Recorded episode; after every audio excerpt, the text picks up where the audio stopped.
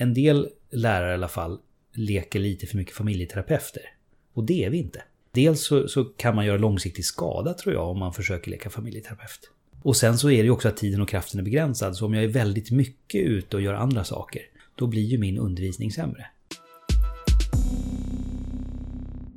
Det har inte alltid varit enkelt att bedriva den här podden. Det har blivit mycket sena kvällar, tidiga morgnar och långa resor. På grund av att jag bor och jobbar i Linköping så spelas majoriteten av mina avsnitt in under helgen, oftast i Stockholm. Därför är jag så tacksam att många, precis som dagens gäst, faktiskt ställer upp för att spela in under en helg. Om jag fick två ord för att beskriva dagens gäst så skulle det vara kunnig och trygg. Han har en nyfikenhet och en passion för yrket som under åren har genererat en enorm kunskap om lärande, ledarskap och barns utveckling. Samtidigt har han ett lugn och en likability som får mig att känna mig trygg i samtalet. Efter bara tre år i yrket väljer den aningen nya läraren Magnus Blixt att skriva en bok. Den här boken skulle fungera som en introduktion till nya lärare. Enligt mig ett modigt beslut som jag bara kan tänka mig möttes av skepticism i ett yrke där ingen är tillräckligt bra, arbetar hårt nog eller har erfarenhet så det räcker. Att ta sig an nya utmaningar utan att ha tillräckligt med erfarenhet enligt praxis, det är något som präglat hela Magnus karriär. En förmåga som senare satte honom på kartan i den pedagogiska sfären. Han heter Magnus Blixt, han är rektor, lärare och författare. Efter en period som rektor arbetar Magnus idag som verksamhetsutvecklare i Uppsala kommun. Temat för dagens avsnitt är balanserat nytänkande i skolan. Du lyssnar på podden Pedagogik och ledarskap och mitt namn är Hedi Mobaras.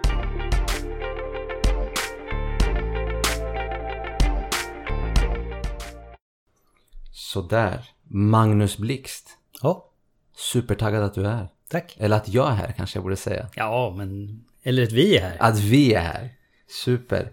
Jag vill först och främst veta, en person som är väldigt passionerad för läraryrket som du är. Ja. Den viktigaste frågan att veta då är, hur kom du in på det här läraryrket? Och jag bestämde, när jag i mellanstadiet, då skulle jag bli lärare. Jag hade en, en, en väldigt färgstark mellanstadielärare, så då skulle jag bli lärare. Så då, då började jag faktiskt. Jag ordnade skola i lekstugan för lilla syster och hennes kompis och, och grannpojken. Och, så vi hade skola där med läxor och inlämningsuppgifter och lektioner och det var mycket seriöst. Men då skulle jag bli lärare, det var så här, det här verkar kul liksom. Men sen... eh, Redan i mellanstadiet? Ja, då så där, det här verkar jag... Vad var dina föräldrars reaktion när du hade en pedagogisk verkstad? Ehm, Ja, de var lite så här, jaha, nej, de lät mig hållas ganska mycket liksom. Och sen så, så gick jag lite ledarskapskurser och sådär. Var lite engagerad i, i folkdansvärlden. Och, alltså lära ut saker eller skapa pedagogiska så här, alltså det är häftigt. Och då har du tyckt sedan dess? Alltså. Ja, och sen kom det en liten där, jag gjorde lumpen eh, på ubåt och, och hade fått, eller jag skulle bli ingenjör också faktiskt ett tag, för jag gick teknisk linje, för det verkar ju kul. Eh, och jag är intresserad av datorer och programmering och hej och hå. Så att, så att, och så blev jag antagen i mariningenjörsutbildning, så jag tänkte det där, nu blir jag väl det då. Och så, men, men samtidigt så upptäckte man i lumpen att det där var ju inte så kul. Och, och bli officer, träna på något ett liv som man inte helst vill göra. Ja, hur blir det när man, när man tittar tillbaks? Nja... det där med lärare verkar ju lite mer att man faktiskt gör något som man kan titta tillbaks och tänka att man gjorde någon skillnad. Så ja, men jag ska bli lärare. Så då bytte jag. Nej. Så att eh, jag, jag tänker överhuvudtaget så, det har jag skrivit om flera gånger, alltså man borde inte få gå direkt från gymnasiet till lärarutbildningen. Det borde vara förbjudet. Eh, någon- Varför? Därför att man ska ha sett någonting annat. Jag har träffat lite för många kollegor som bara har varit i skolan och tror att hela yrkeslivet ser ut som det gör i skolan och det gör det ju inte. Vilka problem kan skapas då? Nej men man har en naiv så här, ja chefen bestämmer här i skolan. Ja, arbetsgivaren leder för det arbetet liksom. Det är inte bättre i andra branscher. Ja, så måste vi jobba tills det är färdigt.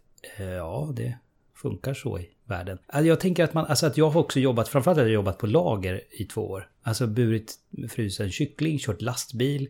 Det har jag med mig, så här kan det också vara att jobba. Kom, alltså tre ton kyckling om dagen. Man var rätt vältränad efter ett tag, men ganska sliten också. Och ha med sig det och tänka att just det, det där är också ett ärligt jobb. Det tror jag att en del lärare skulle är det här något du mött? Mycket? Ja, eh, inte mycket, men några lärare har man mött som liksom gick i skolan, gick gymnasiet, började som lärare i den skolan man har gått i, har bytt klassrum en gång på 30 år. Ja, jag är inte säker på att det är så. Det kan ju ge en liten naiv bild till, till ungarna, tänker jag. Utifrån att man själv har det. Jag köper det, men man har ju haft så kollegor som verkligen är allt ska vara enligt teorin. Rätt Ja. begrepp är väl paragrafryttare kanske man kan säga. Ja. Men det kanske inte riktigt är det du pratar om. Men de som har fastnat i teorin och som du säger inte har någon erfarenhet från det praktiska. Mm. Det blir problematiskt att samarbeta med dem. Ja men det är lite så, och jag tror ju att har man, har man fler erfarenheter, alltså man kan åka jorden runt ett år, man måste inte. Men att man har gjort någonting annat än att gå i skolan innan man själv börjar jobba där. Det tror jag är bra. Jag tror att man då har lite vidgade vyer och lite mer ödmjuk för världen. Och det tror jag är bra om lärare har. Jag köper det. Tyvärr så ser det ofta så ut. Jag tror det är på grund av samma utgångspunkt som jag hade. Man har lite bråttom för att komma igång. Mm. Du jobbade som lärare i ett x antal år. Hur många år var det innan du blev rektor? Hur många år var det däremellan? 18, så jag, det var ju ganska... 18 jag, jag, jag, skulle ju aldrig bli skolledare. Det, var, det har jag bloggat och föreläst om. Så det fick man Och äta varför blev det så? Jo men och varför ska man inte bli skolledare? Eh, eh, Alltså det var ju för att jag sa, och det säger jag faktiskt fortfarande. Alltså det är ett uppdrag du inte kan lyckas med. Du kan inte lyckas som rektor, du kan bara misslyckas lite mer eller mindre. För uppdraget är alldeles för stort eh, i förhållande till de resurser man har. Alltså du har för mycket medarbetare, eh, för många elever, för mycket föräldrar och för lite liksom, resurser till det. Så det, det går inte att lyckas, man kan misslyckas. Eh, Olika bra i och för sig. Eh, Så därför skulle jag aldrig bli det. Men, men sen eh, jobbade jag på Glömstaskolan och vi växte ju så det knakade. Från 30 till 400 elever på ett och ett halvt år. Innan vi kommer in Mm. på det. Jag vill bara veta. Så du var lärare i 18 år. Ja, Du har haft dina fördomar om skolledare. Du har Ja, ja. 100% tänkt det där hade jag gjort bättre. Vad var den största chocken när du tar yrke, alltså när du tar den positionen? att det inte var riktigt så illa. För det, det, faktiskt. Alltså man, man kan fortfarande bara misslyckas mer eller mindre. Det, det.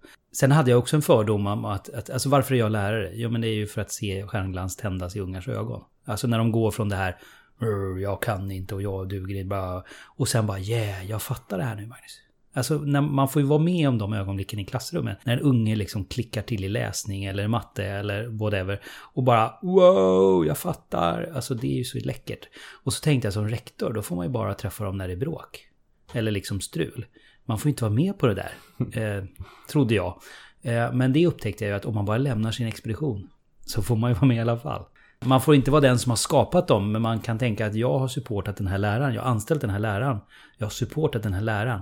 Som nu fick till det här ögonblicket. Och jag, jag känner ungen. För det kan man fortfarande göra om det är 500-600 elever. Så Det man finns ju väldigt olika ledarstilar. Jag, börjar, Ja. jag antar väl att du var den som var ute i korridorerna och hjälpte till. Ja. Vad jag Ja. hör av Ja. dig nu. Det finns ju den typen och sen finns det den som är inlåst på Mm. kontoret hela tiden. Ja, Kan skolans storlek ha en avgörande roll i det? Ja, absolut. Eh, Jag gjorde till exempel så att jag tog emot alla varje morgon nästan, eller väldigt ofta. I, vi hade bara en ingång och då var det lätt att stå där och säga god morgon, kul att du är här. Eh, Välkommen till både eh, elever och personal och, och föräldrar. Och sen tog jag ett varv runt huset. Mm. För att det är klart att, att om man väl börjar sitta på sitt rum och, och börja grotta i något, då kommer du inte därifrån så himla lätt. Jag, jag var inne på din LinkedIn. Mm. Jag noterar en sak. Du blir biträdande för en nystartad skola, Ja. relativt nystartad. Ja. Sen från ingenstans, nio månader in tror jag det var, så blir du rektor. Ja, För en väldigt stor skola. Ja, det, jo men det var ju skolan växte ju. Alltså, det var ju där vi, det var ju Glömstaskolan. Vi gick från 30 till 600. Eh, och jag blev övertalad att bli biträdande för att, och det var personalen faktiskt, flera som sa att men Magnus, vi lyssnar ju på dig, du beter dig som du vore biträdande. Och om vi nu anställer en annan biträdande och ni säger olika, då kommer vi att lyssna på dig. Det blir ju skitdåligt. Så du får faktiskt ta den här tjänsten. Eh, och då tog jag den och sen berättade rektor två månader senare, tror jag, eller tre, att han skulle gå vidare till nästa uppdrag. Eh, och då blev jag väl lite övertalad en gång till liksom.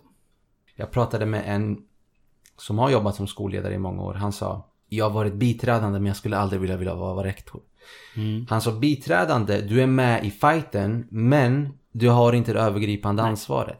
Han, han nämnde tre saker. Han bara först har du det här med arbetsrätt och facket. Japp. Sen har du matsalen, hygien och så vidare måste du ha Japp. koll på. Sen var det skollagen. Skollagen. Obviously, skollagen. Så de, de här tre Ja, ja. gigantiska parametrarna. Japp. Så du går från att vara biträdande. Du har din lilla nisch, antar jag. Mm. Och sen går du och bara, okej vet du vad? Över i princip en dag, du, nu... Hur hanterar du den stressen? Ja, det, och där hade jag ju ganska god hjälp av att ha varit facklig innan. Ganska länge, ganska mycket till slut. Av, jag halkade in på det. Men, men där hade man, så jag, just arbetsrätten hade jag ju koll på. Den hade jag ju, och Arbetsmiljöverket hade jag rätt bra koll på liksom. Det är ju en, en erfarenhet som fler borde ha, eller det, man har nytta av den så kan man säga mina fackliga eh, rektors, eller mina rektorskollegor ställer alla fackliga frågor till mig. Liksom. Magnus, du som har koll. Eh, för att man har koll från liksom andra sidan. Men, men alltså, det, det, eftersom det hände så var det bara liksom att tugga på i det. Sen började ju rektorsutbildningen samtidigt. Och det kan man väl konstatera, alltså den ska man ju gå först. Vi spelade in hemma hos Magnus, en aningen stor och fin lägenhet belägen i Sollentuna. Jag gillar Sollentuna, fina grönområden och trevliga promenadstråk in till vattnet. Men lägenhetens position får mig att tänka. Det säger oss mycket om samhället vi lever i idag. Jag tittar runt i området och allt jag ser är villor, nybyggda lägenheter och nya gator som ännu inte fått en själ. Ett stenkast bort ligger Malmvägen. Eller rättare sagt, en rondell är skiljeväggen mellan min nuvarande plats och ett så kallat socioekonomiskt utsatt område. Platsen där en person bara veckorna innan sköts till döds. Att det kan skilja så mycket i trygghet mellan så små avstånd. Enligt förvirrade politiker är lösningen fler poliser och hårdare straff, medan polisen själva hoppas på en bättre skola. Svaret på lösningen är oklar, men orsaken bakom problemet är aningen självklar. En mindre bra skolgång. Jag har, när man söker dig Magnus mm. på Google mm. så kommer ju Glömstaskolan upp hela tiden. Ja, jo men det var ju där jag var senast. Liksom. Exakt. Min fråga, och det kanske det gör med andra skolledare också, men det finns en grej med den här glömsta skolan. Mm. Och den skrivs väldigt ofta om den speciella skolan. Mm. Eh, först tänkte jag det här måste vara en friskola om den är så speciell. De måste ha någon mm. egen. Det är en kommunalskola. Ja, ja. Vad är det som gör den här skolan så speciell? Och det var jättemånga som ju sa det, ja men ni är en friskola, det är lätt för er. Och jag sa nej, det är ju det som är poängen, det är en kommunalskola. Men, men rektor har läst skollagen, skollagen 2.10. Rektor styr in organisation. Inte förvaltning, inte föräldrar. Uh, och, och, den hade ett tydligt uttalat mandat från politik och förvaltning att prova nya vägar. Vi ska ha en skola som provar nya saker. Hur kom uh, man till den punkten? Vet, det var ju innan min tid liksom. Så att det var väl, men jag, framförallt skulle jag säga modig politik. Och modig förvaltning då som sa, nej men vi, en skola ska få liksom dra iväg lite för att testa vad man kan göra. Och vi bygger en byggnad som stödjer det och vi, vi ger. Alltså att, att anställa min företrädare Peter Bragner som rektor, det, det, det visade ju på riktigt mod. För man visste ju, han hade ju varit rektor i kommunen. Och man visste ju att han gör ju lite som han vill. Vilken kommun är det vi pratar Huddinge. om? Huddinge. Eh, han gör ju lite som han vill. Och han fick uppdraget att vara rektor och det var ju modigt. Och sen anställde han mig och fröken Ann som ju drev på ytterligare. Eh, och, det, eh, och vi tog ju det där på allvar. Vi ska prova nya saker, så nu gör vi det. Vi, vi sa att vi ska ställa oss frågorna varför och varför inte för allting. Så ni fick, du var med från början då ja, antar ja. Så ni fick det egentligen alla pedagoger drömmer om? Ja. Ni får medel, ni får göra vad ni vill. Ja, lite så. Intressant. Och då är frågan, vad mynnar allt det här ut i? Fruktansvärt mycket lärdomar. Så kan man säga. Och, och jag är helt övertygad om att vi var något riktigt viktigt på spåren. Men som väldigt många nya skolor så, så, och det hade man väl inte tagit riktigt höjd för. Så, så många nya skolor, jag menar Ingela Nets också skrivit om till exempel i Södertälje. Och, alltså det är flera som har den erfarenheten. De växer för fort. Växtverk. Växtverk och framförallt så får man en oproportionerligt andel elever som har misslyckats tidigare. Det är väl friskolornas... Som har bytt skola. Ja men det är, det är ju friskolornas också. För de är nystartade, de har en liten kul profil. Och då när man har misslyckats i skolan tre, fyra gånger och bytt skola, man tänker nu blir det bättre och så blir det inte det. Så tänker man här var en kul, den tar vi. Och, och ibland kan det ju vara så, jag menar vi hade en elev, han hade bytt skola sex gånger. Mm. På sex år. Alltså då har man ju lite kunskapsluckor också. Och kanske ett, ett förhållningssätt som inte är så gynnsamt. Nej. Ehm, jag tror han är kvar fortfarande tre år senare nu, för första gången. Liksom. Kul för han ändå. Ja, men det, så vi hade ju någonting. Vi, vi nådde många av dem. Vilket ju också då är en utmaning, för när det går rykten om att här har man barn med ADHD, då funkar den här skolan bra. Då är det strömmar dit. Då strömmar de dit och någonstans når man en brytpunkt. När det blir för mycket. Hade ni, om för vi, tar... hade ju inga extra resurser för det. Ja, det var precis det. Ja, ja, alltså nej. per, om per... Nej, nej, det var ju samma skolpeng som alla andra. Okej, okay. så det var inte fler specialpedagoger nej, per... Nej, nej. nej. Och sen är det ju också, alltså jag hade ju... Eh, men förra hösten så hade vi 34% ny personal. Eh, och mina rektorskollegor då bara wow, det var mycket. Och jag sa, oj då, är det? Ja, vi hade ju 60% förra året. Mm. Alltså, och det är klart att introducera 60% ny personal och sen 34 i ett nytt sätt att jobba, nytt sätt att tänka, en byggnad som är ny. För nya byggnader har sina utmaningar innan man fattar dem. Men kan, kan vi stanna vid personalen? För det här är intressant. Var du rektor när du pratade om att ni fick stor tillströmning av personal? Eller var du biträdande? Först var jag biträdande. Och sen blev Du var med jag, i teamet och introducerade dem i alla fall? Ja, och sen blev jag ju rektor. Eh, Så jag var ju rektor, tillförordnad rektor först och sen rektor. Så två höstuppstarter var jag ju rektor. Liksom. Hur många, hur många i siffror, inte procent, hur många pratar vi? Nya lärare? Ja, alltså första året så var det väl en 20 och nästa år var det 40. Intressant. Så, Så, det var ju fruktansvärt mycket folk. du har de här lärarna, x antal lärare som Ja. kommer från alla har sina egna bakgrunden, alla har sina egna sätt att tänka och du Japp. vet precis som jag, vi lärare är väldigt stolta. Japp. Så här gör vi. Japp. Vad kan man som skolledare göra för att alla ska tänka, alla ska vara, ha samma vision? Ja, och då handlar det om att ta tid till det och tid till annat också. Och haken är att den tiden inte finns. Det är ju fem dagar och sen börjar ungarna. Så på fem dagar ska du introducera så många lärare. Ja, och dessutom så har vi en utmaning. Det håller jag på att skriva om nu precis. Får se om vi får till det. Alltså bara att ge lärare ett nytt datorkonto i en kommun. är ju en, det är ju en uppgift i sig. För det är inte klart första dagen utan det dröjer några dagar. Och så ska de in i nätverket och så ska de ha nya grejer. Och så, alltså bara det, bara det här praktiska pillet. Och så ska de ju helst ha lite material på plats och lite tankar om första skoldagen och uppstartsdagen. Och, alltså det är fruktansvärt mycket som ska på plats. Om vi pratar konsekvenser. Mm. Några konkreta konsekvenser som blev av det jag precis nämnde. Ja, det blir ju alltså en väldig stress hos lärare när, de, när inte allt är klart, vilket det inte kan vara. Så enkelt är det ju. Eh, och stress är, gynnar ju ingen människa. Och det smittar av sig till eleverna. Ja, såklart. Plus att, att när vi är stressade så går vi väldigt ofta tillbaks till det vi är vana vid. Det är Naturligt. liksom en, en, en naturlig...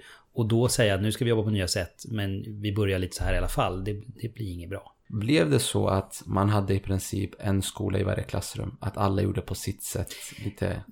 Nej, däremot så jobbade vi eh, inte så ofta. För vi, en, en grundbult, på, och det är jag helt övertygad om att vi kommer att se väldigt mycket mer av framåt. Var att vi inte skulle ha klasser och, och klasslärare, utan vi skulle ha team, årskursteam. Årskur, årskurser, ungarna skulle inte vara i klasser utan årskurser och de skulle ha team omkring sig. Och det är jag helt övertygad om, för det är det enda vettiga sättet att hantera frökenlotteriet på. Eh, också som lärare.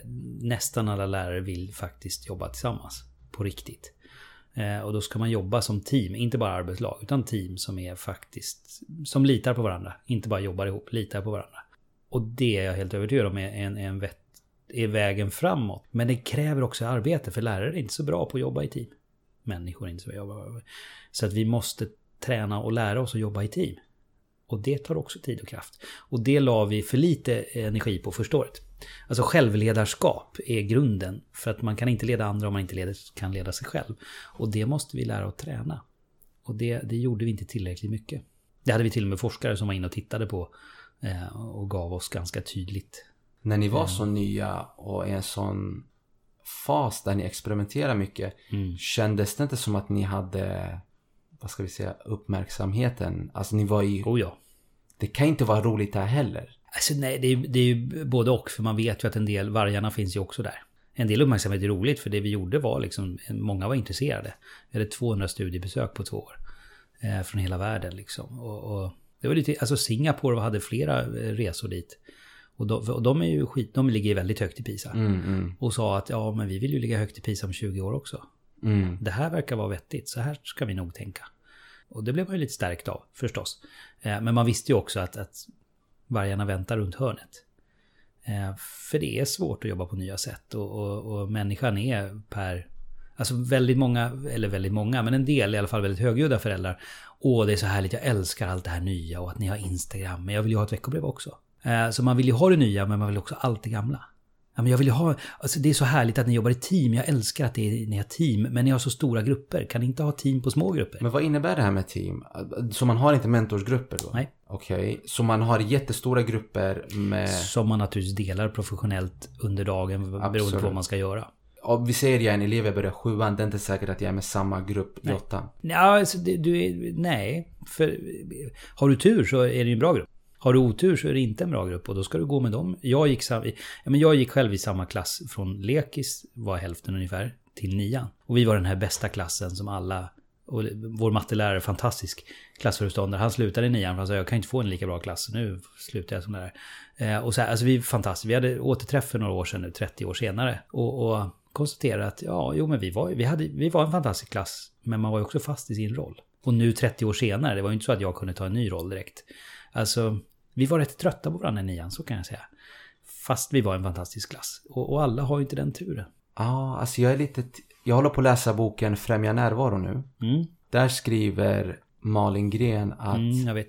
Ska faktiskt träffa henne nästa onsdag. Mm. Sjukt taggad. Mm, Hon skriver att det där går emot att främja närvaro. mm.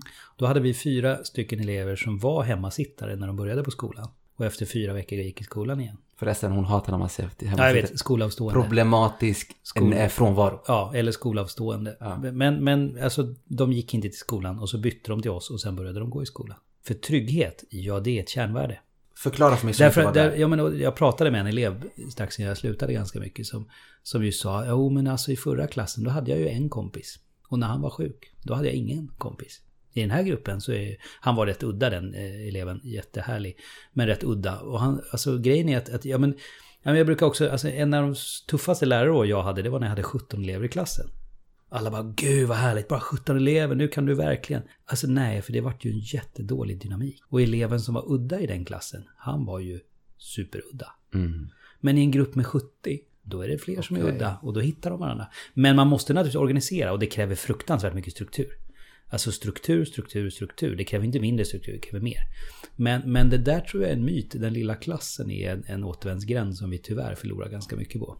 För att vi, vi, alltså nu saknas det 80 000 lärare. Och så ska vi ha små klasser. Hur tänkte du då? Det kommer ju innebära att några, alltså det är ju det som är haken med lite, om man har verkligen små fasta grupper. Alltså några grupper blir dysfunktionella.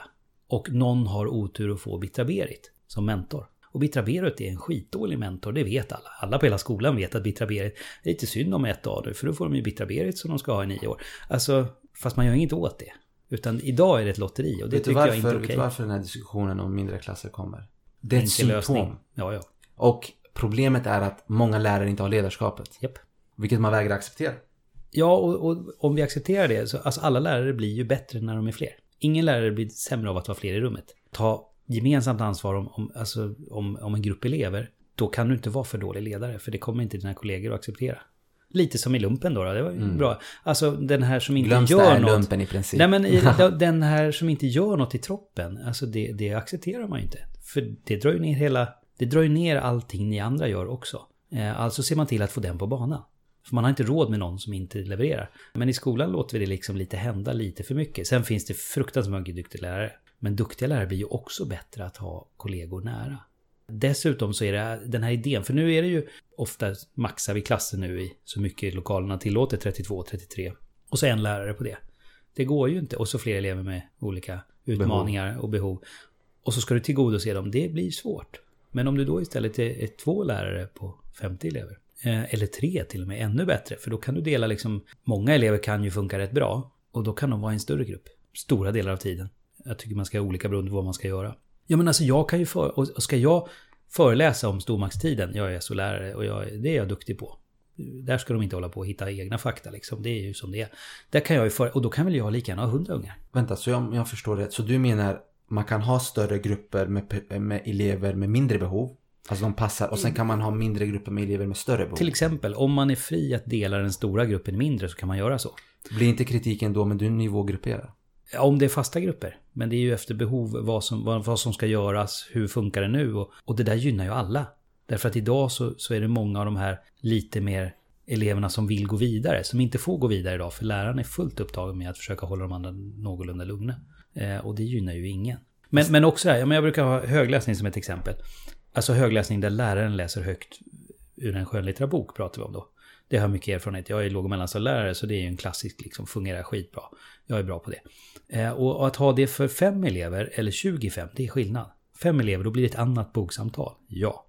Men 25 eller 75, om man har lokaler för det, det är ingen jätteskillnad. Och om jag har det för 75, istället för att jag har för 25 och du har 25 och, och Jonas har för 25. Så om jag har för 75, då kan ni två gå och göra någonting annat. Planera eller... Eller framförallt så kan jag ha för 70 och så får du ha för fem elever som inte riktigt kan tillgodogöra sig här. Så får de kvalificerad undervisning den tiden. Jag har hand om 70 och Jonas kan gå och göra någonting annat. Inom samma, för det är ju det, alltså jag tycker också vi ska ha mer resurser till skolan, men, men det kommer ju inte heller att hända. Du pratar ju om att man ska organisera bättre. Yes, smartare, Men- effektfullare, mer effektfullt. Ja. Jag säger inte att jag inte håller med. Men kritiken blir ju då, men kommer inte de här som fastnar i den här femgruppseleven känna, "Men vet du vad, jag är inte lika duktig som de där. Nej men det är därför du måste ha flexibla, det är därför du inte ska ha fasta grupper. Men kommer Vi du inte hamna inte- i samma Nej. läge som, Varför skulle vi göra så? för då måste du, Nej men det är, lärarna äger gruppindelningen.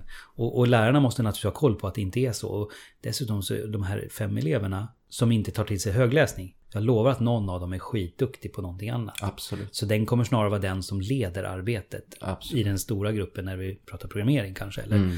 Alltså så att, så att därför måste det vara ett team av lärare som äger gruppen professionellt. Och professionellt innebär också att se till att det inte är... Alltså det där gör vi redan idag. Hur många elever är det inte som sitter med en egen bänk ute i korridoren?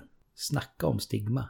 Dessutom får du inte ha dina grejer i fred. Så att alltså det där gör vi redan idag fast vi, vi låtsas som vi inte gör det. Då är det väl bättre att säga att vi organiserar professionellt utifrån vad vi ska göra. Eh, och ska det vara en föreläsning om stormaktstiden, då kör vi alla i aulan. Och det kan jag, det kan man, jag kan ha hand om hundra ungar. Liksom.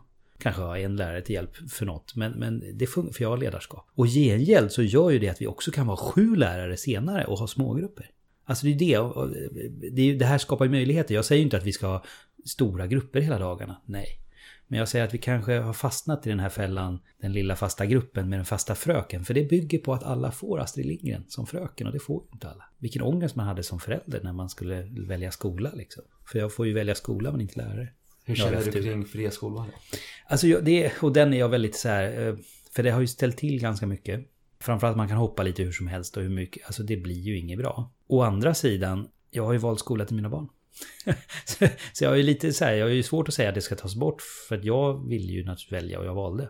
Vi går inte på den närmsta Det här är bra med självinsikt. Så jag kan ju inte, alltså jag vill ju kunna välja.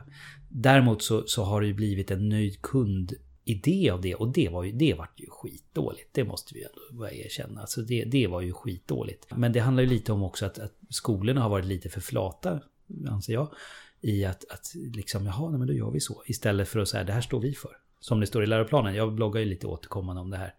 Om nöjd kund, att det är en återvändsgränd. Liksom, att, att det här står vi Men för. kan man, åter, alltså kan man komma bort från nöjd kund och olika index om man fortfarande har fria skolvalet? Eller? Eh, Jag vet inte. Jag Men, tror man hamnar jag där tror hur att, som helst. Ja, fast det handlar lite om vad vi också säger, vad vi levererar. För jag vill ju, alltså jag är ju skitnöjd. Min äldsta dotter börjar gymnasiet nu och hon, hon verkar ha lärt sig det hon ska. Skitbra. Men de hade inte så bra ordning på hennes kläder på lågstadiet. Nej, det var väl bra. För det tänker jag är en föräldrauppgift. Men det kan jag ju säga som rektor har jag förstått att många föräldrar anser det vara skolans uppgift att hålla ordning på barnens kläder. Och, och om man ska göra det, då blir undervisningen sämre. För det, lärarna har ju liksom in- inte obegränsat med tid och kraft. Så att det är väl det, vad är det vi ska, vad är det vi ska leverera? Och då tänker jag att vi ska leverera skollag och läroplan. Och det som inte står där, det låter vi bli. Jag lyssnade på det här sommarpratet med journalisten Emma, Yes. Vad heter hon i efternamn? Leinse tror jag. Leisne, ja, L- ja. Sydsvenskan, skitklok. Otroligt stark. Japp. Alltså, när jag lyssnade på vägen hit till Stockholm, herregud. Det var så många tankar som flög i huvudet. Hon sa någonting så himla fint i den. Hon sa, när det kommer till fria skolvalet så har vi som föräldrar två val. Antingen är vi med och främjar samhällsutveckling och eh, integration och allt vad det är. Eller så är vi föräldrar. Mm. Och där har ju du självinsikt. Många när man diskuterar det har ju inte det och förstår inte att hon pratar ju om det här white flight. Ja, ja. Otroligt Ja, ja. intressant och det är en diskussion som jag inte tycker tagits upp i lärardebatten. Ordentligt. Ja, nej, jag tycker att den finns ibland, men det är lite... Sen är det ju inte så himla lätt att säga då tar vi bort fria skolvalet. För, för som i England har man inget fritt skolval. Nej. Fast du väljer ju skola, för du köper ett hus där den bra skolan finns. Intressant. Så att, alltså... Fast det där hade du inte kunnat göra i Stockholm. Alltså i Stockholm är det ju så pass segregerat att en cykelväg kan vara avgörande mellan ett... Ja, ja. Fast det finns ju redan lite i Stockholm. White flight-syndromet. Absolut, är ju, alltså, absolut. Det, det handlar ju delvis om skolan. Liksom. Så att jag, jag, jag, däremot så, jag menar, en enkel åtgärd skulle ju vara att man får bara byta två gånger om året, som Malmö håller på med. Det gör ju i alla fall någonting, för att alltså här, det hade ju vi stora problem med. Framförallt våra första år på Glömsta. Det kom ju liksom två, tre nya elever i veckan i varje årskurs. Ni hade 230 nya på ett år. Ja, under läsåret. Och då ska de introduceras i hur vi jobbar och så ska vi bara fixa fram iPads till dem och de ska in i systemet och så, och så ska lärarna kolla vad de kan och så, och så Det var ju inte friskt någonstans. Och de där överlämningarna är ju aldrig bra. Eh, nej, väldigt sällan. Hur gör man då, då som skolledare? Du har 230 nya elever, de kommer från 230 olika klasser. Ja, 17, ja precis, 17 olika skolor. 17, ja, 17 olika skolor. skolor. Så väldigt många olika klasser, Ja, ja. pedagogiska modeller, rutiner. Vad gör man som rektor för att bemöta de här och ta emot dem på så bra sätt som möjligt? Parallellt med att du har problem med iPads. Dels handlar det om, och det är väl det som är utmaningen, man måste jobba med båda. För du, du måste ju få till systematiken så att det finns en iPad.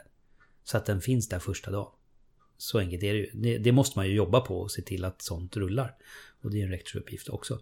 Sen, sen hade jag i alla fall så att, att innan man bytte till oss så skulle man komma och hälsa på. Både barn och, och, och förälder. Så att man åtminstone fattade vad man valde till och vad man fick och vad man inte fick. Så att man sen inte var besviken, vilket ändå en del var. Det var lite märkligt.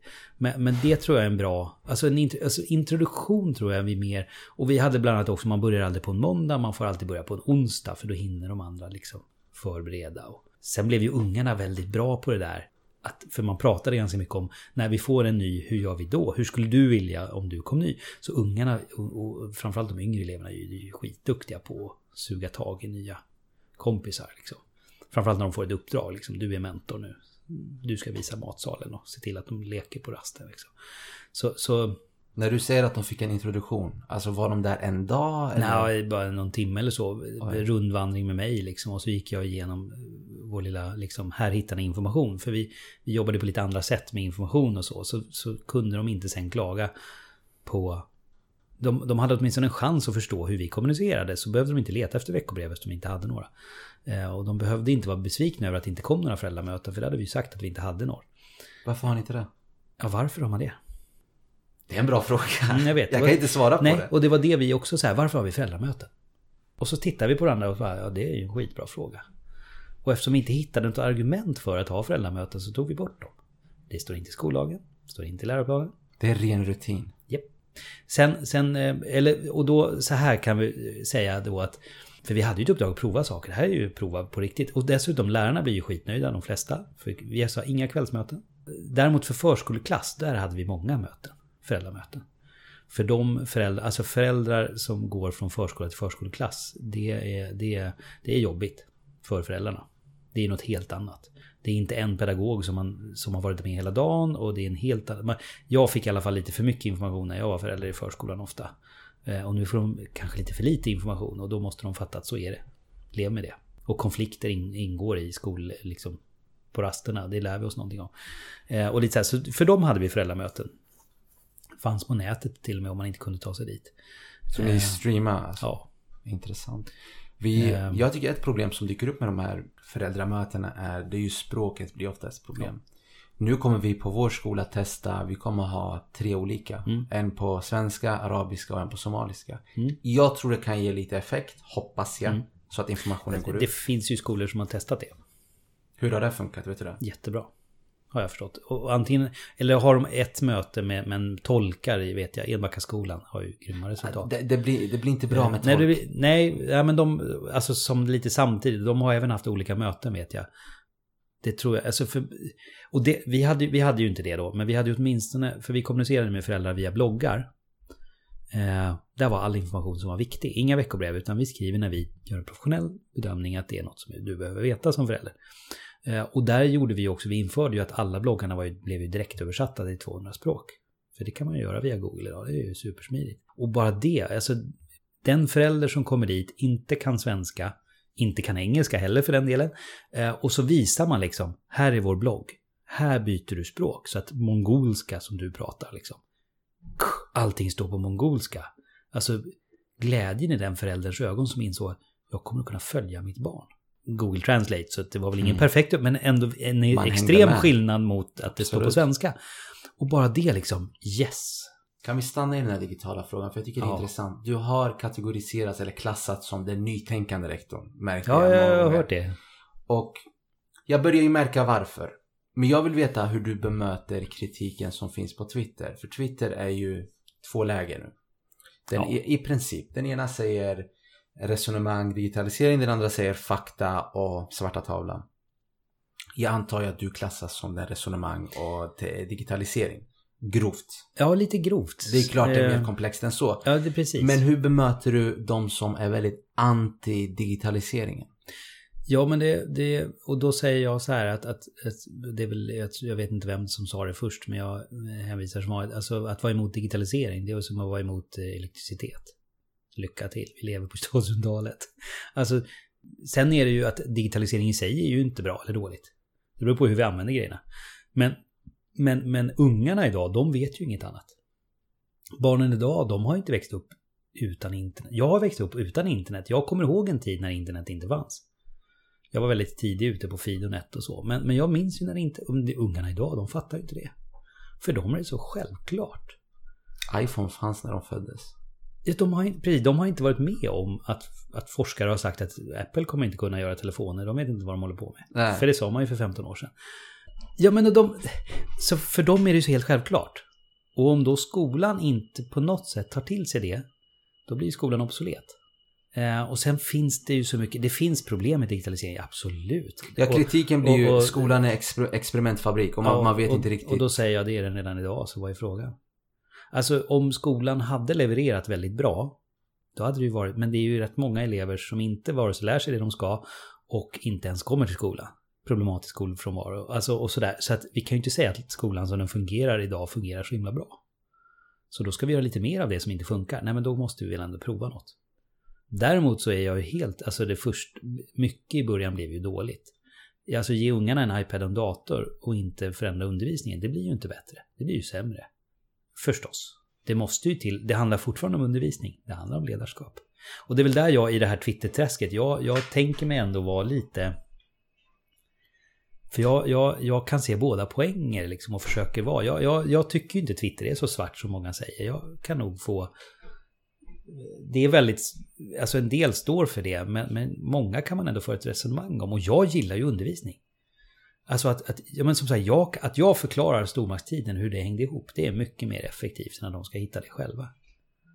Eh, så enkelt är det ju, eh, för om jag gör det bra. Men de ska också använda det och alla ungar ska också ha rätt att, att ta till sig information på det sätt som är bäst för dem.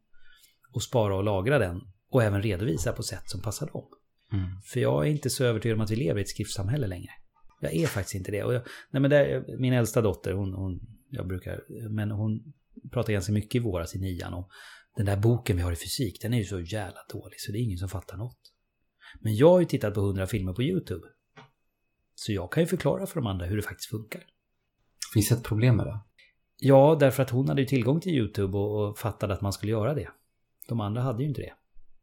Finns en rapport nu borde jag ha den i minnet, men mm. den handlar om man kopplar demografi och eh, socioekonomisk bakgrund mm. med teknik. Yep. Jätteintressant. Yep. Och mitt argument till de som är emot just digitalisering är Alltså vänta ett tag. Alla har inte de förutsättningar du har. Det finns faktiskt fortfarande mm. många hem som inte har en dator, som inte har internet mm. hemma. Är inte skolan i grund och botten handlar inte det om att du ska introducera eleverna till olika saker. Alltifrån mm. information, fakta mm. och nu även digitala medel. Mm. För du, det kommer bli en samhällsfråga i framtiden. Mm.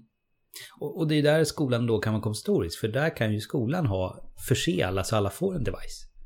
För så var det ju, jag menar till och med i Djursholm så var det olikt. De som inte hade iPhones var ute, men ingen saknade ju mobiltelefon där när jag jobbade för tio år sedan. Ingen saknade mobiltelefon. Redan då? Eh, redan då liksom. Eh, men datorer fanns ju inte. Så jag, alltså jag tänker att, att alltså vi lever i en digital tid. Eh, och precis som, som för 50 år sedan, de som inte fick lära sig läsa, de var ohjälpligt efter. De som inte får lära sig hantera en dator idag, de är ohjälpligt efter. Och hantera, då pratar jag hantera, för eh, Candy Crush kan alla hantera. Det är ju inget som du tjänar på att kunna hantera. Du måste ju kunna använda den för att söka information, eh, ta till dig fakta, som är relevant. Eller bara använda Office-paketet. Ja, men alltså att skapa någon slags presentation av det du gör.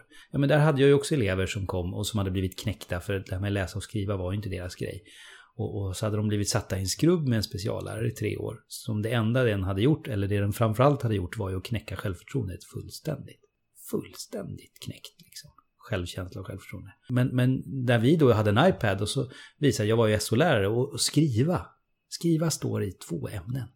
Det är moderna språk och svenska. Då måste du kunna skriva. Men i samhällskunskap står det redogöra. Så när han fick istället prata in hur han tänkte om de komplexa samband om lag och rätt som vi jobbade med. Alltså, han har ju tittat på mer Lilla Aktuellt än de andra tillsammans tror jag. Så ja, han kunde ju redogöra i detalj för hur det hängde ihop. Alltså, varför skulle hans kunskaper i samhällskunskap inte få komma fram bara för att han inte kan forma en vettig bokstav? För det hänger ju inte ihop. Däremot svenska, ja, han kommer ju inte få ett A i svenska. Eller ett, kanske inte ens ett D liksom. Men, men i samhällskunskap kan han få ett A eller B liksom. Du nämnde en intressant sak. Det var, du sa absolut att vi ska ha digitala medel i klassrummet. Men pedagogiken måste hänga med. Man kan inte använda det klassiska. Vad har du som skolledare gjort för att de här två samtidigt ska utvecklas? Ja, för lite kan man säga. Men vi försökte ju, vi hade så mycket vi skulle behöva. Men, men man måste ju jobba med pedagogiken och måste jobba med hur använder vi dem. Vi måste lära ungarna hur använder de, hur använder de inte. Och framförallt så handlar det till syvende och sist om ledarskap. Och ledarskap är jävligt svårt. Om du har det eller om du inte har det, så det går ju inte att gå en, en halvdagsföreläsning med Marcus Samuelsson och sen är allting klart. Nej, alltså det är väl haken att en, en föreläsning med Marcus Samuelsson, vi som har lite ledarskap, vi fattar det och blir lite bättre. Men de som saknar, jag vet inte ens om de blir bättre. Liksom. De måste nog träna. Hur gör man det? Ja, och då handlar det om att träna precis som vi tränar med barn. Träna i skarpt läge. Sen, sen är det verkligen en relevant fråga. Kan man från inget ledarskap träna upp något? Jag vet faktiskt inte. Jag blir mer och mer osäker. Däremot kan alla bli bättre på ledarskap. Alltså jag är inte fullärd på något sätt. Jag tror inte professor Samuelsson heller är det. Alltså, jag tror vi alla kan bli bättre ledare. Och, och, ofta blir vi nog det när vi jobbar tillsammans med andra och vågar problematisera. Det där vart ju inte så lyckat. När du säger så så blir det ju så här. Och såg du att Kalle inte var med? Men så måste vi ta det när det... Alltså att, att det är också det som är att, att skapa arbetsro och lugn. Det är inte så svårt säger jag. Fast det verkar svårt för en del. Men, men men skolans mål är ju inte i första hand att det ska vara arbetsro, utan att de faktiskt ska lära sig något. Och då krävs det arbetsro. Men arbetsro i sig räcker ju inte. Att det är lugnt och, och stilla, det är ju inte. De ska ju lära sig något också. När jag ber Magnus berätta om en eller två elever som haft stor påverkan på honom får han svårt att välja. Det är så många, säger han. Efter en längre betänketid berättar han om en elev. Vi kallar henne Kim. Kim saknade självförtroende och hade oändligt med myror i brallan. Elevens skolgång hade inte alltid varit enkel och elevens strategi för att få uppmärksamhet av sin omgivning var att göra fel och ville stolt visa att den inte brydde sig om skolan. Parallellt hade eleven förväxlat koncepten respekt och att bli fruktad. Vi hade många duster och krockade en och annan gång. Sju år senare stötte vi på varandra. Han hälsar på mig, tornar upp sig vältränad med en stabil axelbredd han spänner ögonen i mina och säger med en fast stämma. Du magistern, det fanns hopp även för mig. Jag hade potential som du sa. Jag går på ett grymt gymnasieprogram och jag kommer lätt få jobb efteråt. Det här ögonblicket gav mig kraft att fortsätta som lärare ett antal år till. Vi gör helt enkelt skillnad, även om vi inte alltid får veta det. Du nämner en intressant sak här, det här med utveckling och att man ska vilja utvecklas. Mm. Du har ju haft det här uttalandet som tydligen ska ha skapat eh, lite reaktioner. Jag förstår inte varför. Och det här med en lärare som säger sig vara färdig är just det, vänligen lämna byggnaden. Mm. För mig, jag förstår inte hur det kan ha skapat olika reaktioner. Nej, det, det, jo, alltså jag kan ju förstå det. Fast jag tänker som, som ett generellt uttalande så är det inget konstigt. Jag menar, John Hattie är också tydlig med den lärare som lär, lär har elever som lär. Liksom. Men det är klart att jag, jag råkade ju skriva den typ alltså efter skolavslutningen i juni. Och då ska man ju lämna byggnaden och vara ganska färdig. Så det var tajmingen? Tajmingen var ju skitdålig. Men sen är det ju en del som blir upprörda även när, om jag skulle skriva den nu. Och det tycker jag är lite tråkigt för, för jag hävdar ju verkligen så att, att alltså, om man nu kör samma... Eh, det finns ju, de är inte så många kvar, men det finns ju lärare som liksom kör samma som de alltid har gjort. Samma eh, Ja, de har inte powerpoint, några kör ju overhead nästan fortfarande. Liksom. Samma upplägg. Och det, det går ju inte. Eller jag tror att det går dåligt. Däremot så ska vi inte uppfinna allt på nytt hela tiden. Det blir ju en jättejobbig tillvaro. Vi ska ju använda, och mycket, jag menar flanellografen. Fantastiskt hjälpmedel liksom. Så att mycket, och högläsning. Skitbra verk, verksamhet. Så, om jag tolkar det rätt, det är inte innehållet alltid vi behöver ändra utan det är hur du förmedlar informationen. Ja men lite så. Och, och, och sätt Alltså kan jag skruva på det här? Funkade det? Och det är ju det vi måste. Vi måste bli bättre. Och där tror jag skolan måste bli bättre. På att ha, ha mycket mer av formativt. Alltså och exit ticket. Funkar det? Funkar min undervisning? Inte vänta till de nationella proven eller det stora provet i slutet. Utan funkade den här lektionen? Det här var syftet med den här lektionen, de ska få med sig det här. Och så testar man i slutet av lektionen, gjorde det det? Har min undervisning funkat? Nej, det gjorde den inte. Eller ja, den funkade för 75% men de här 25 då? Hur ska jag tweaka så att jag når dem? Hur kan jag göra så att, så att de, så vi inte går vidare utan att de har fått med sig det de behöver? För det vill jag ju som gammal lågstadielärare säga att de flesta elever har vi ju identifierat på lågstadiet. Att här har vi en utmaning. Ja, fast man brukar utgå från, nu pratar inte jag om att ni gjorde det men, ja men han kommer, eller han, hon kommer mogna till. Och det gör de ju inte. Inte alltid, det händer, det finns vissa undantag. Det finns vissa undantag. Men, men de flesta gör inte nej, det, det utan det är bara ett sluttande plan. Exakt. Och de är identifierade ofta i förskoleklass redan skulle jag man säga. Ser ju. Och man sätter in resurser. Och man, men uppenbarligen så hjälper ju inte de resurser vi sätter in. Och då kan man ju fundera, ska vi alltså göra som man brukar och förvänta sig ett nytt resultat? Det är ju tämligen korkat. Ja, alltså man behöver ju förändras som ett samhälle. Det är ju, jo. även om vi nu utgår ifrån att Glömstaskolan kanske gjorde det på ett bra sätt, det är ju hela Sverige som måste Ja men där gick ju vi före och vi var lite långt före så kan man säga. Så det var, det var svårt. Och framförallt när det kom fler elever som, som inte hade valt oss egentligen. För så är det också, det fria skolvalet är ju inte så fritt.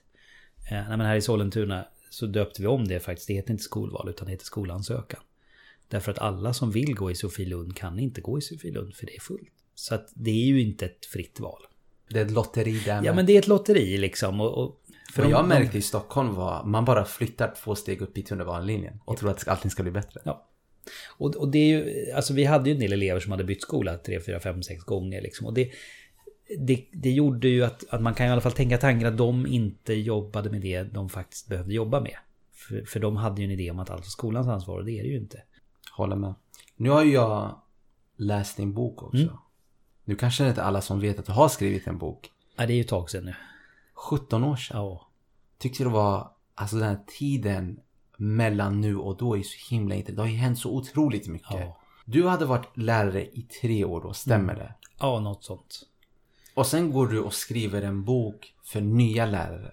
I ett yrke som kräver en istid för att bemästra. Mötte du inte motstånd från folk? Vem är du Magnus och ska skriva en bok? Ja men lite, fast då, då kom jag ju undan det. För att anledningen till att jag skrev den var ju också att, att jag höll på att ge upp där. Liksom. Det var ju mycket svårare än vad jag trodde det skulle vara. Liksom. Och, och, då var det någon som sa, men skriv en bok Magnus, det är ett bra sätt att tänka. Det ska jag göra. Och, och sen så gjorde jag ju också, jag tog ju hjälp av väldigt många erfarna. Det märker man. Det är väldigt mycket ja, ja, citat. Väldigt, och... Det, och det var ju många som var glada. För, att, för jag skickade, jag hade lite så här fackliga kontakter i LR och så. Så jag skickade ut, jag fick göra ett utskick faktiskt.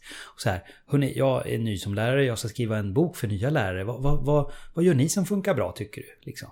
Och det var jättemånga lärare som, åh vad härligt att någon frågar mig egentligen. Så att jag fick ju hur mycket som helst av de erfarna lärarna. För att de, de var så glada att någon faktiskt frågade dem. Sen fick jag ju skriva boken, men den var ju också skriven utifrån att det här hade jag velat haft för tre år sedan. Och det kan ju ingen skriva som har jobbat i 30 år. Så jag, det kommer jag väl undan med, med det också. Eh, så syftet var att till alla nya lärare, lär er av mina misstag? Ja, lite så. En, en hand, en, alltså det kom en överlevnadshandbok för nya lärare. Eh, faktiskt, det var ursprunget. Och den var för gymnasielärare. Och då så, så var vi några som sa att men, men eh, det här borde ju göras även för lågstadiet. Eller låg och mellan liksom. Den här boken, för den, den gick inte riktigt att översätta. Gymnasiet har ju sin speciella. Mm. Så att, så att ska, vi, ska inte du skriva den här boken Magnus? Ja, det ska jag göra. Lena Lindqvist eh, tror jag var som hade frågan. Och det, det, på den vägen är det liksom. Lärare är samhällets stötdämpare skriver du. Ja. Vad menar du där? Vi möter ju alla ungar. Så enkelt är det ju. Och vi ser väldigt mycket om, jag, eh, om du lyssnar på hälften av vad ditt barn berättar hemma så lyssnar jag hälften på vad de berättar hur ni har det hemma. Det har jag ibland sagt till föräldrar. Liksom. Alltså vi, vi får ju veta väldigt mycket. Vi kommer ju dem nära. Liksom. Alla barn har det ju inte så bra hemma. Eller ganska många har det inte så bra hemma till och med. Eh, och då kan skolan erbjuda vad är det, safe haven, alltså en säker hamn. Det tror jag är väldigt bra. Därför ska vi tjänar alla på att skolan är bra. Eh, alltså skola i utsatta områden. Den, vi tjänar på att de får mer resurser Även vi som har tur att bo i ett mer privilegierat område. Därför att vi kommer att mötas sen. Vi, kommer att, vi delar liksom samhälle. Och skolan är vägen. Eh, det är liksom vägen ut från eh, och en gemensam kunskapsbas. Nej men jag är, det, det, vi skapar framtid. Du har skrivit en sak som fick mig att tänka. Mm. Jag håller inte riktigt med. Nej. Men du har skrivit Glöm inte bort att du bara är en lärare. Mm. Du är ingen psykolog. Du är ingen socialsekreterare och så vidare. Mm. Och jag tycker att det här resonemanget är aningen problematiskt. Nu, för ni som lyssnar återigen, nu kommer ni få möjlighet att svara på det här för 17 år sedan.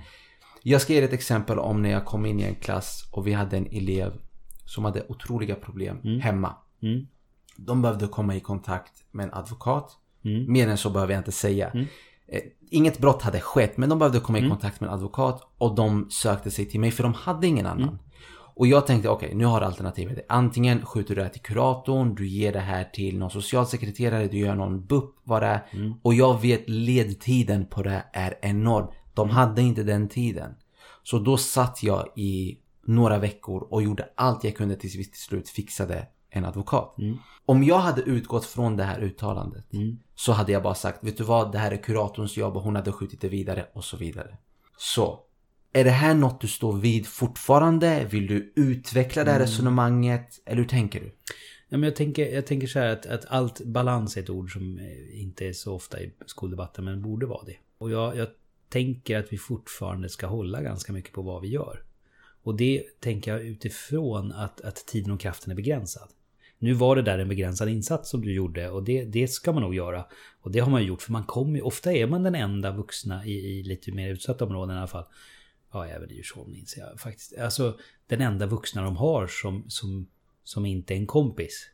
Och som är någon slags, har lite koll. Så enkelt är det ju. Och då ska man nu hjälpa till. Men jag tänker lite det här med om, om man ska leka familj. För där, trots allt så lekte du inte advokat. Utan du fixade en kontakt.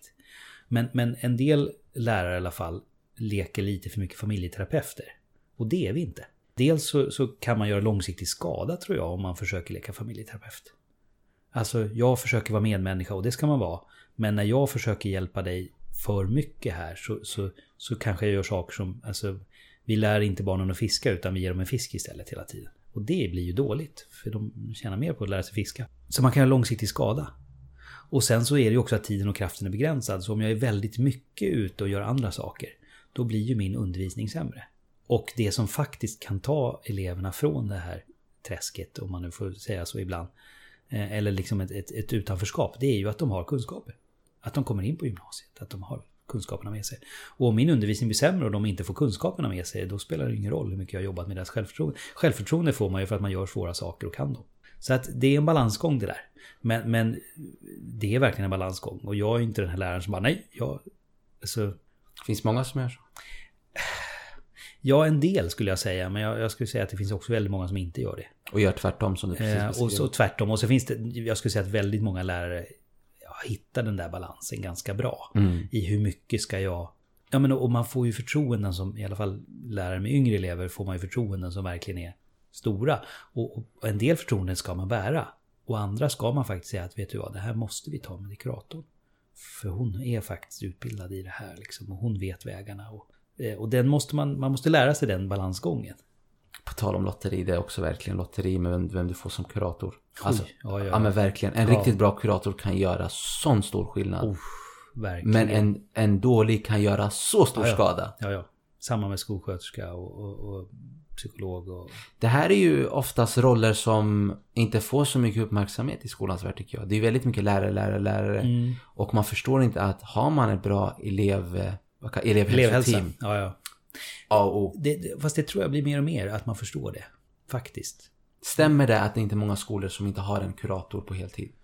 Heltid är det inte många som har, eller så många som har, för att, för att du måste upp i ett antal elever för att det ska finnas ekonomisk bäring. Så enkelt Det är tycker jag är problematiskt. Ja, ja men det, och det tycker alla. Alltså alla vill nog ha en kurator på heltid. Men, men samtidigt när du kommer upp i typ 600 elever, då, då, då kan du nog säga att du har råd. Skulle jag säga. Och, och, och framförallt så... Alltså, och, och om du har en bra kurator då som naturligtvis hjälper till att få ungarna att må bättre, då lär de sig mer. Så det är en ren sån här... Ja men det är som, som Gustav Sund som vi hade, eh, skolgårdsläraren. Många frågade, men hur har du råd med honom? Han är ju skitdyr. Liksom. Ja, men han, han, är rätt, han har bra betalt för att vara fritidspedagog. Det ska han ha. Förtjänar Men- varenda krona. Ja, men lite så. Och så sa jag också att jo, men det här är ju rent... Dels så har ju ungarna trevligt på rasten och det är ju bra, fast det räcker ju inte som, argument bara. Utan grejen är att om de har det bra på rasten, då kommer de in och inte har en konflikt, utan då lär de sig mer på lektionen. Alltså får vi ökad måluppfyllelse. Alltså har vi råd med Gustav. Alltså det är, man måste liksom ta det till att allting handlar till syvende och sist också om måluppfyllelse. Och det måste kuratorn också förstå sin roll. Liksom. Eh, jag ska få ungarna att må bättre och det kommer att göra måluppfyllelse. Plus att de mår bra, det är viktigt i sig också. Men, men, men även kuratorns roll är ganska svår. Mm. Eh, jag har träffat på några fantastiska och tyvärr lite många som inte har varit det. En av mina närmsta vänner är faktiskt kurator. Han gör ett riktigt bra jobb tycker jag. Mm. När vi pratade innan så har du sagt att jag skulle vilja skriva om hela kapitlet att möta hemmet. Jag läste igenom det mm. kapitlet och jag kände vad är det han pratar om? Ja, och det kanske inte var hela kapitlet men, men lite... Alltså som du presenterade, mm. jag tänkte det här är mm. katastrof mm. men mycket var ju mm. rimligt och... Ja men det var, för jag, det var ett tag sedan jag läste boken, nu gjorde jag det igen då. Eh, men, men och jag, har fått för, jag hade fått för mig att det var liksom för mycket åt det hållet. Men den var ganska balanserad. Alltså balans är ju ordet som vi behöver. Och det är ju genom hela boken. Det var ju... Ja, men ja, och det, jo, det, och det har jag ju föreläst om sedan dess. Liksom. Alla föreläsningar har nästan innehåller balans. Och jag tjatar om det på Twitter också. Att hörni, vi kan väl... Eh, Can we all get along? Ja, men att hitta en balans här. För jag, jag tycker vi måste använda digitala verktyg. För de har ändå saker som vi... Fördelar som inte vi har någon annanstans. Men ja, vi ska också ha väldigt traditionell undervisning. Mm. En lärare som berättar. Ja, det, och då ska vi stänga våra datorer. Det är ju alltså, jag fattar inte.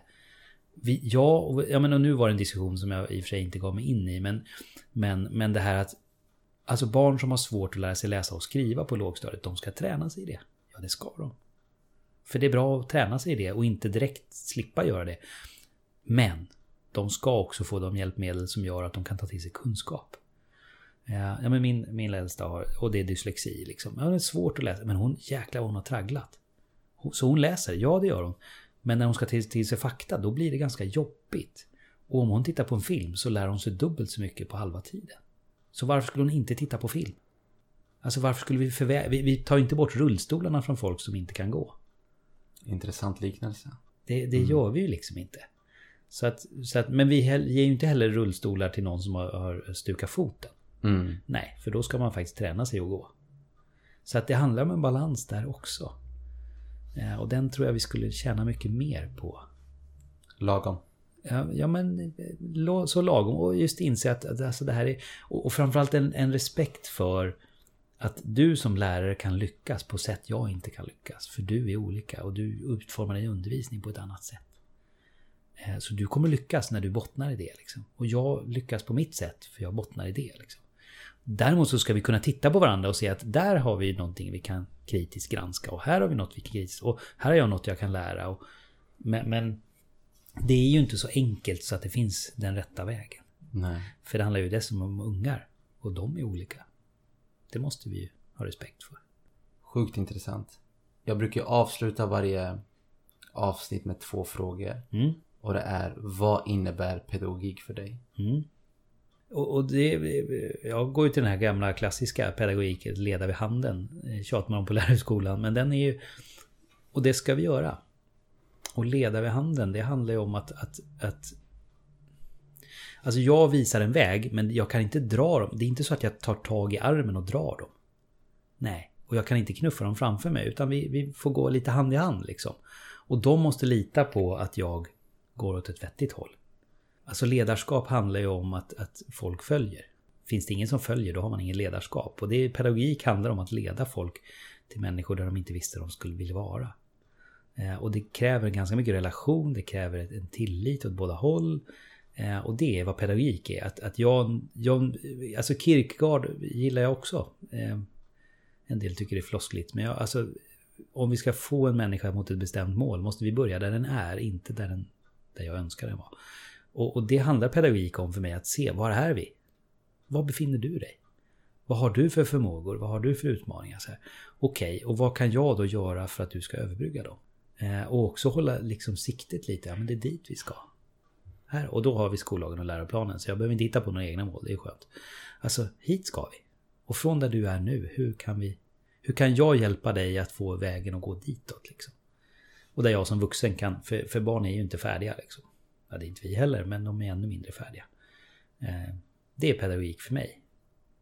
Intressant. Och vad innebär ledarskap? Ja, och då är det är väldigt tätt sammanflätat här. Alltså det handlar just om att leda. Att, att, att få människor att vara där, där de är. För det är ändå ledarskap. Här trivs vi ihop. Men också få dem till nya ställen där de inte visste de skulle vara. Ja, liksom. För, för vi, ska inte, vi kan inte bara vara i trygghetszonen hela dagarna, för då lär vi oss ingenting. Men, men att man tillsammans ändå skapar arbetsro, man skapar liksom en gemenskap, man skapar en undervisningsrelation, en undervisningsgemenskap. Här vill vi vara tillsammans. Eh, och hur ska vi ha det tillsammans? Ja, så här ska vi. Bra. Och vart ska vi då? Ja, men då, då går vi dit. Hur gör vi det tillsammans? Vad lärde vi oss nu? Liksom? Det är ledarskap.